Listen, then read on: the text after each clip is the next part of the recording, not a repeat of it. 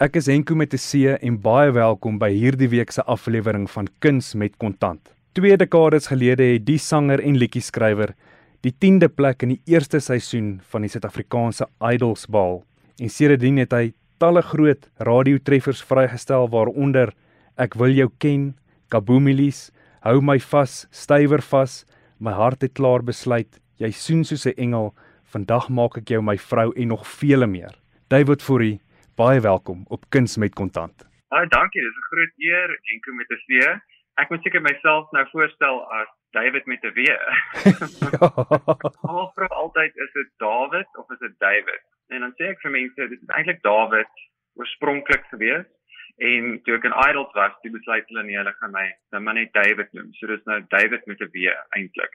Die mense in jou binnekring en jou naastes, wat hmm. noem hulle jou dan? Noem hulle jou David? David, ja, my ma noem my David, my pa het my David genoem. Partykeer sal iemand my Davey noem. Ek hou nie van Davey. Ek is nie so mal oor Davey nie. So ek is baie gemaklik as jy my David wil noem. baie dankie. So sê jy dan sê dat jou verhoognaam David vir jou is. Ja, mense het my maar net so geleer ken, want dit was nou die media, media het oorgeneem en jy was op Mnet en dit ek net maar net gedink miskien ek nou net net nie meer rol. Dit is nou maar David en dan kom ek by die huis en my pa altyd so 'n bietjie gespot dan sê of hy bel my dan sê Hallo David. hy is 'n Suid-Afrikaanse man, so ja. Iemand ja. wat sou verkies het om jou David te noem is definitief die Nieu-Seelanders, want jy het vir 5 mm. jaar in Nieu-Seeland gewoon en gewerk. Mm. Ja. Wat het jy daar gaan maak? Ek noem dit soos my eat love pray avontuur wat ek gevat het want ag ek het maar net gevoel, sjoe, dit smaak voel ek is soos 'n hamster op 'n wiel bietjie so en jy is net heeltyd besig met vertoning vertoning en dan wil jy op skouspel, dan wil jy Afrikaans is groot en ek het gevoel ek wil net 'n breek vat van dit en dan iets anders doen. Toe kry ek die geleentheid om 'n plaasmaatskappy daar oop te maak, klein onafhanklike plaasmaatskappy en ek het dit as 'n groot uitdaging gesien en om myself bietjie in 'n ander mark in te sit en my horison te verbreek. En dit was natuurlik uiters uitdagend geweest op die einde van die dag.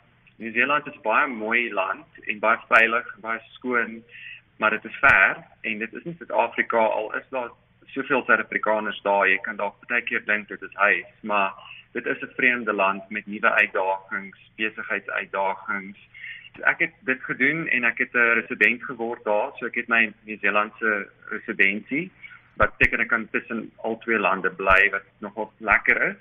En die plaasmaatskappytjie gaan nog aan, maar ek het naderhand het ek betrokke geraak in projekbestuur vir onderwys, hulle noem dit education design of uh, instructional design. Dis mense wat basies onderwysmateriaal vervaardig in China en in en in Amerika en ek het 'n projek bestuur as 'n kreatiewe bestuurder vir al die animasie mense en die ontwerpers en ek het mense gekry in in Johannesburg wat liedjies opneem met die kinders leer hulle Engels deur ons liedjies en ek het verskriklik hard gewerk. Ek kan nie vir jou sê ek ag ek het so 12 ure, 13 ure 'n dag gewerk want die Chinese kliënte is natuurlik baie veel eisend en hulle hou nooit op werk nie.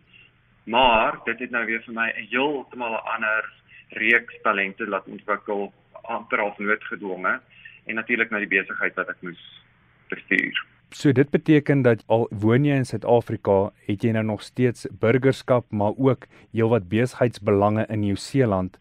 Beteken dit noodwendig dat jy al jou Nieu-Seelandse dollars daai kant hou of moes jy al noodgedwonge baie van hulle na Suid-Afrika toe bring en omskakel in rande wat beteken dat jy baie verloor? Dit is 'n teere onderwerp daai want ek kan nooit besluit moet ek 'n lomp som net oorplaas en dit net hier hou nie. My Suid-Afrikaanse inkomste het obviously bietjie afgegaan in die tyd wat ek weg is want dit is alles meestal van vertonings en daai goeders. So die meeste inkomste was in Nieu-Seeland om my projekte weer hier aan die gang te kry omdat ek onafhanklik is. Moes ek kapitaal oorplaas waarop ek klaar belasting betaal het gelukkig en hierso basies net dit in die projekte instoot. Dis interessant. Ek kan sê wat Nieu-Seeland nogal oulik maak en dit het my geleer van spaar van vooraf. Hulle het 'n ding wat hulle noem Kiwi Saver. En dit is waar jy moet van jou inkomste per maand moet jy elke keer jy kan besluit 6 of 8% per maand moet jy in hierdie rekening insit wat die regering vir jou bestuur en hulle sit dit in 'n portfolio en jy kan glad nie daai geld trek totdat jy 60 is of totdat jy 'n huis wil koop, dan kan jy daai geld weer uit die rekening uittrek. En dit is my wonderlike stelsel want dit forceer jou om te spaar en dit is waar ek vandag ook nog vir mense sê as jy klein bietjie geld net kan wegsit in 'n beleggingkie of iets of jy weet wat jy nie net kan uitvat nie, doen dit. Dit is baie waardevol. Al het jy vir so lank daar gewoon, is jy 'n hmm. sprekende mm. voorbeeld daarvan dat 'n mens kan daar werk en in Suid-Afrika werk, want jy het nooit vir enige van ons Afrikaanse aanhangers weggeraak nie. Wat ek veral van jou onthou selfs in onlangse jare, maar jy doen dit al van 2007 af, is dit jy is bekend daarvoor dat jy so baie volksliedere gesing het by mm. rugbywedstryde.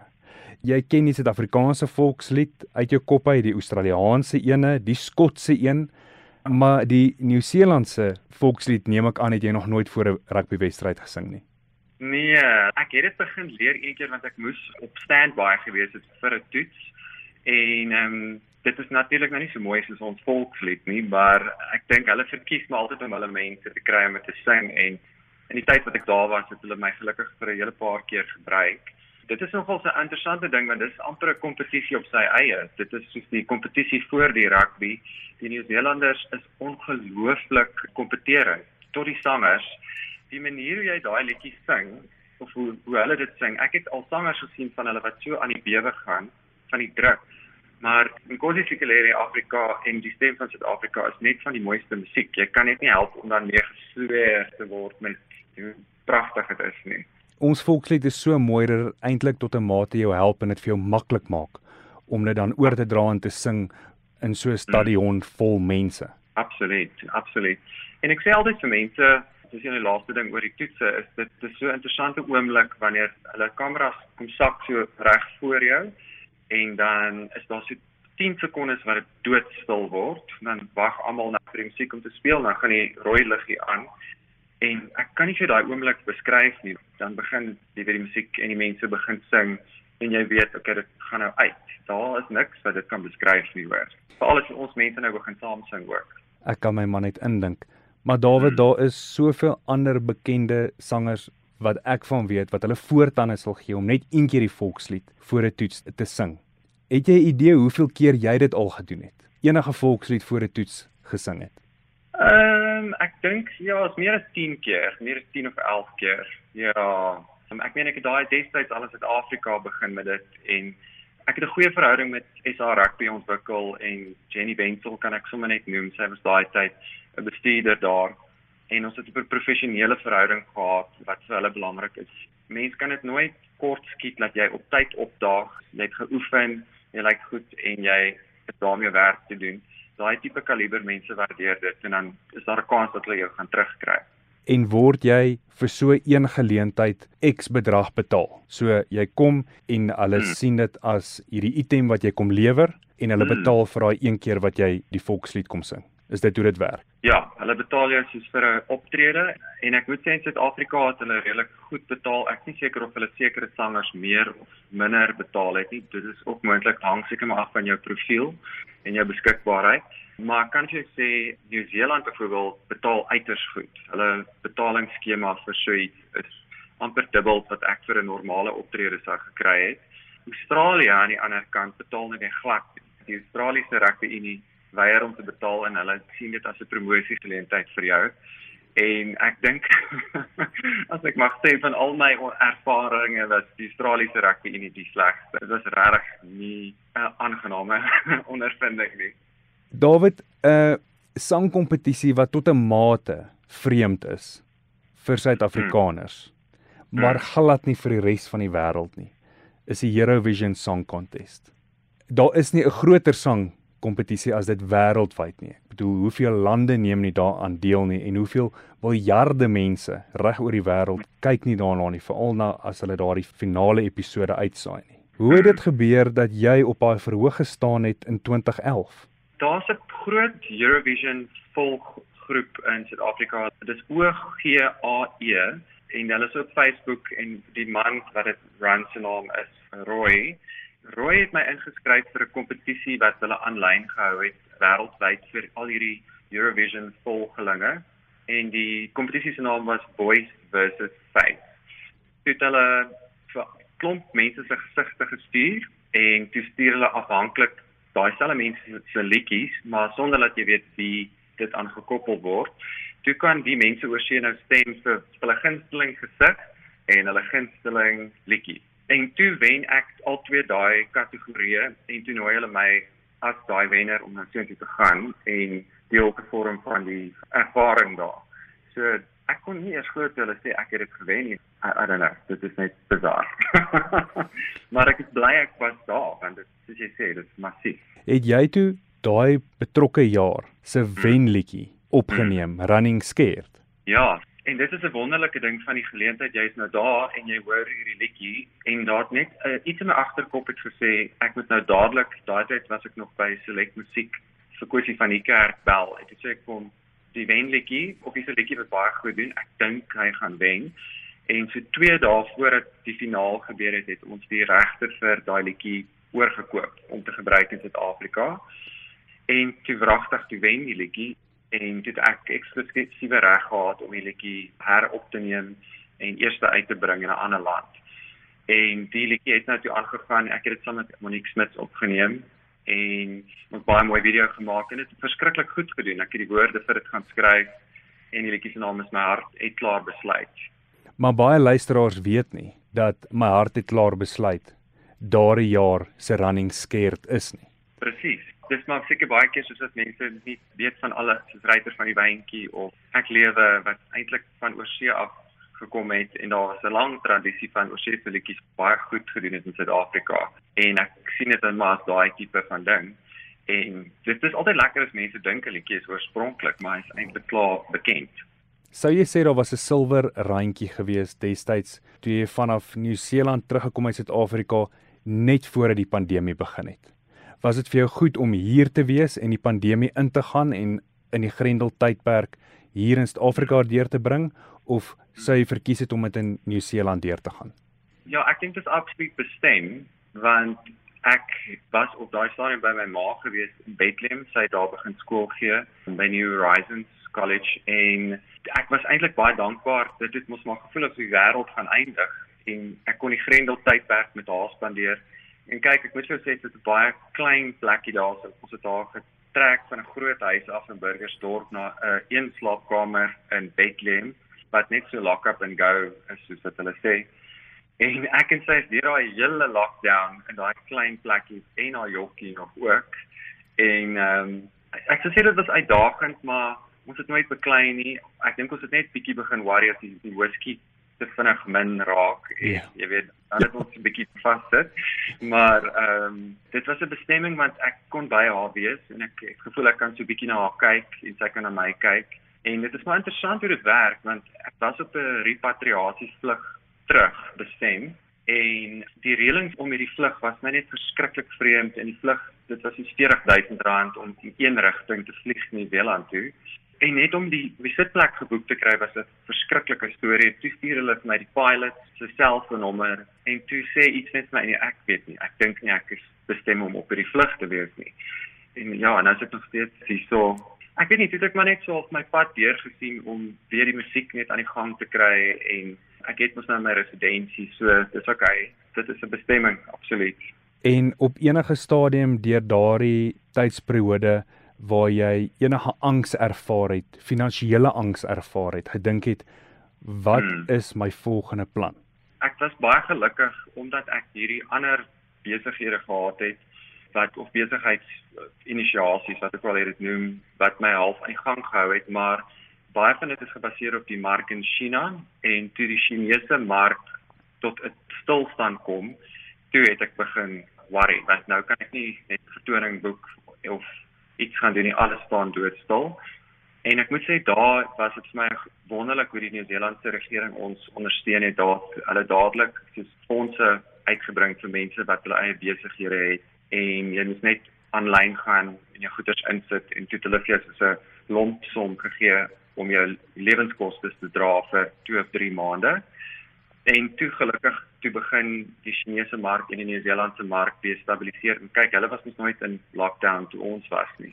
En toe raak ek weer besig en toe ek het gelukkig baie tyd gehad. Ek kon lang ure voor die rekenaar sit en ontwerp doen en projekbestuur en in daai selfde tydperk het ek ook tyd gehad om die nuwe musiek uit te werk en my strategie vir die Suid-Afrikaanse mark uit te werk en net om my al die kreatiewe idees wat ek gekry het oor die jare daar nou in in werking te sit om hier aan te gaan. David, as jy moet terugkyk en ek besef dit is hierdie jaar 21 jaar gelede, maar waar jy nou in jou lewe is en jy ja. moet terugkyk oor daai 21 jaar, kan jy ja. op 'n baie duidelike manier sien wat Idols vir jou gebring het of wat dit vir jou beteken het en wat 'n bydrae dit gelewer het om te wees waar jy vandag is.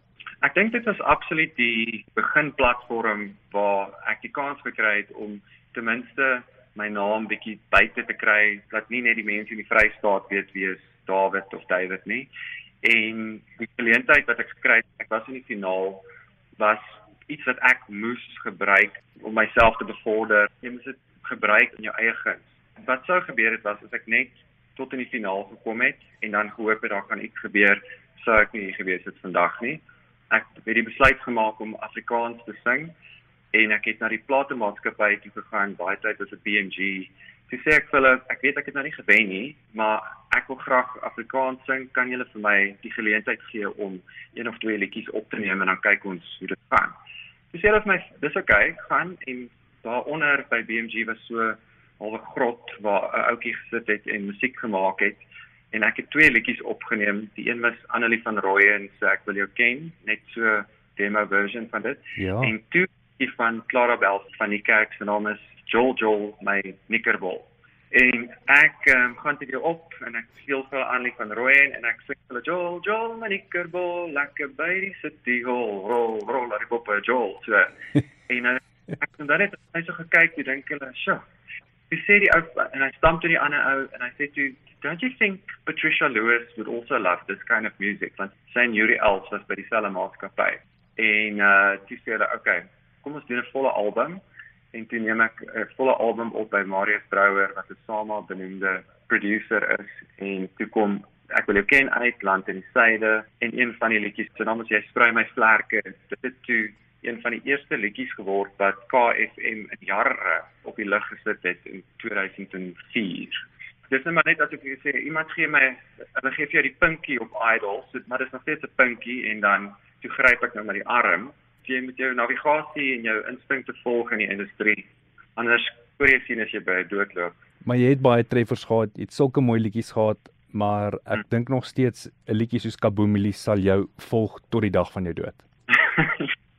Kyk, ek onthou die inspirasie agter dit is altyd en dit is net my een van daai goeters. Dit sal snaaks wees as ek sê dat ek nog nooit gedryf het deur die passie om 'n inkomste te, te verdien en nie om my ouers vir geld te vra of om nie las te wees nie, maar om vir my daadwerklike loopbaan uit te kers wat profitable is.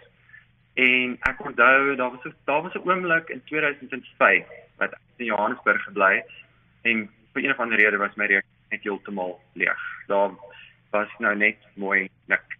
En ek het iemand toe gebel wat ek hê om mense te vra vir hulp en ek vra toe vir hulle dink hulle ek kan net so 1000 rand leen maar dan kan ek nou vir my gaan kos koop en sulke goeders en die persoon sê toe nee. Regtig?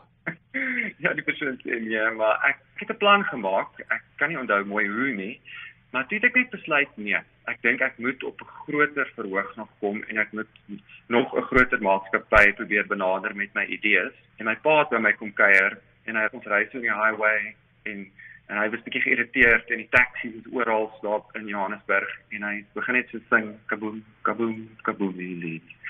Kaboomielies en ek sê toe vir hom wat sing pa? En hy sê nee, dis Kaboomielies en ek sê vir hom is dit 'n liedjie? Hy sê ja, dis 'n ou liedjie. Piet Pompies het dit gesing en ek lag my dood en ehm um, toe kry ek weer 'n idee, toe dink ek, okay, ek gaan Piet Pompies se familie kontak daar in Vanderbijl Park, plaas ja. kry.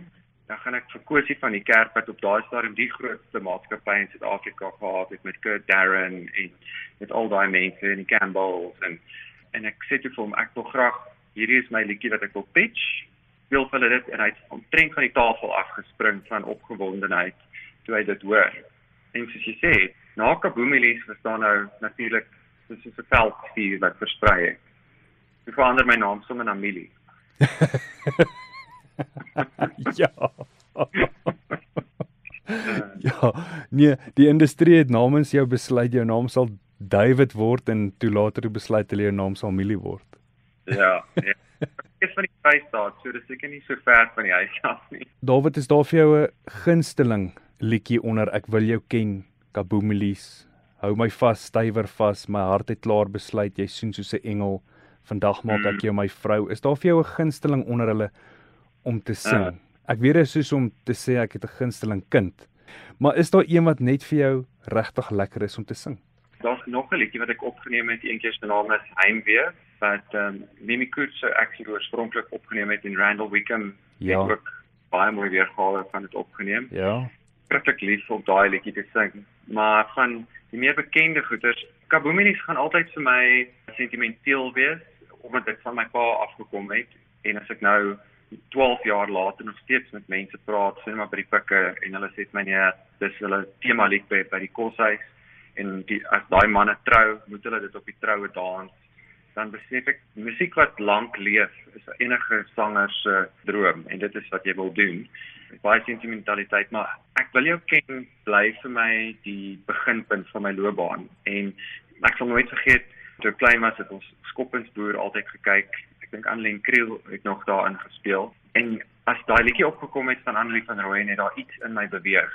En toe ek saam met Marius Brouwer dit nou in die beter studio opneem het ek die eerste paar lyne gesing toe sien ek o oh, al het almal 'n reaksie en dis lekker vir my om 'n intieme mooi Afrikaanse lied te kan sing en dit word dit soos hulle sê treffer want dit gebeur min die mense wil maar meestal die die dansgoeters hoor hmm. maar ehm um, daai een spesiaal David as iemand al ooit in die posisie was waar jy jare gelede was.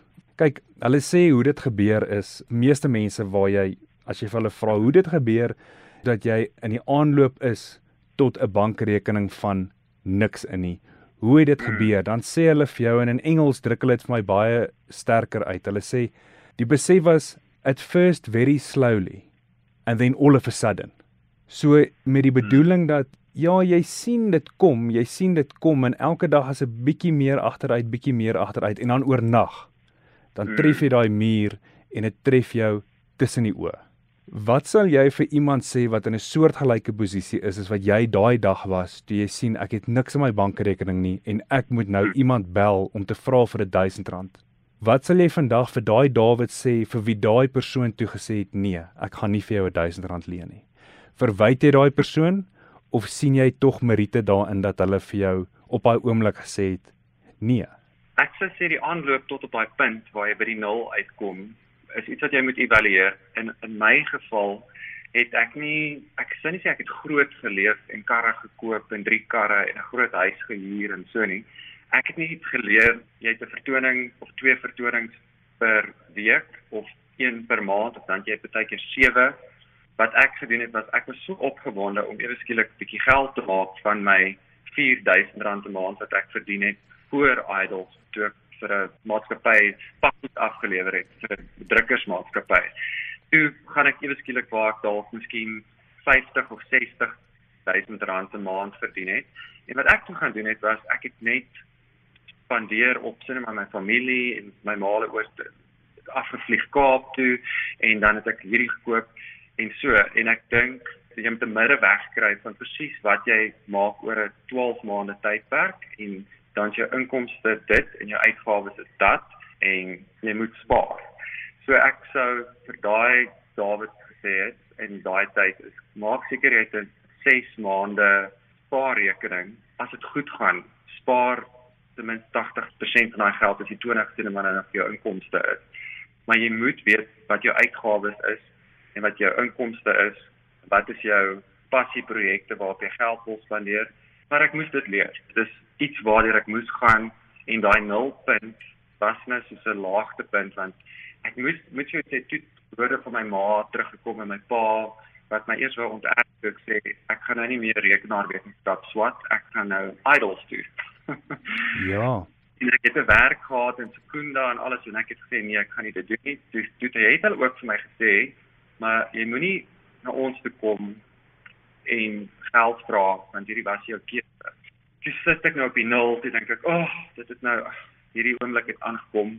En dalk is dit ook 'n goeie ding dat die persoon vir my nee gesê het, want dan kom jy nou dalk weer in 'n ander patroon wat mense jou enable, skus vir die Engelse woord, maar hulle enable jou en jy diep en delf nie diep in jouself in die, om te dink wat is die strategie, wat is die foute.